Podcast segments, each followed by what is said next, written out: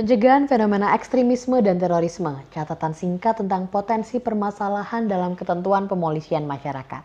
Menteri Hukum dan HAM bersama Presiden menetapkan Peraturan Presiden Republik Indonesia Nomor 7 Tahun 2021 tentang Rencana Aksi Nasional Pencegahan dan Penanggulangan Ekstremisme berbasis kekerasan yang mengarah pada terorisme tahun 2020 hingga 2024. Adanya peraturan presiden ini banyak memunculkan pro dan kontra di tengah masyarakat adanya poin pemolisian masyarakat masih belum dijabarkan dengan seksama, dikarenakan konsep fungsi, mekanisme, dan bentuk konkret yang masih abu-abu. Ditakutkannya masyarakat akan saling curiga dan menimbulkan perpecahan itu sendiri.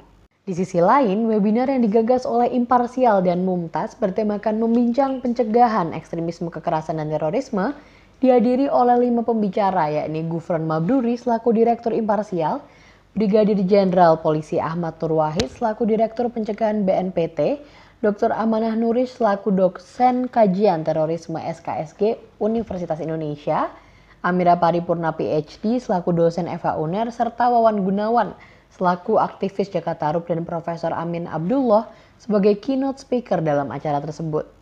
Beliau memberi respon positif terhadap diterbitkannya Peraturan Presiden Republik Indonesia Nomor 7 Tahun 2021 karena ketentuan tersebut telah berusaha mengatur radikalisasi yang berkembang di masyarakat dengan mengajak partisipasi serta dari berbagai pihak seperti BNPT dan koalisi sipil.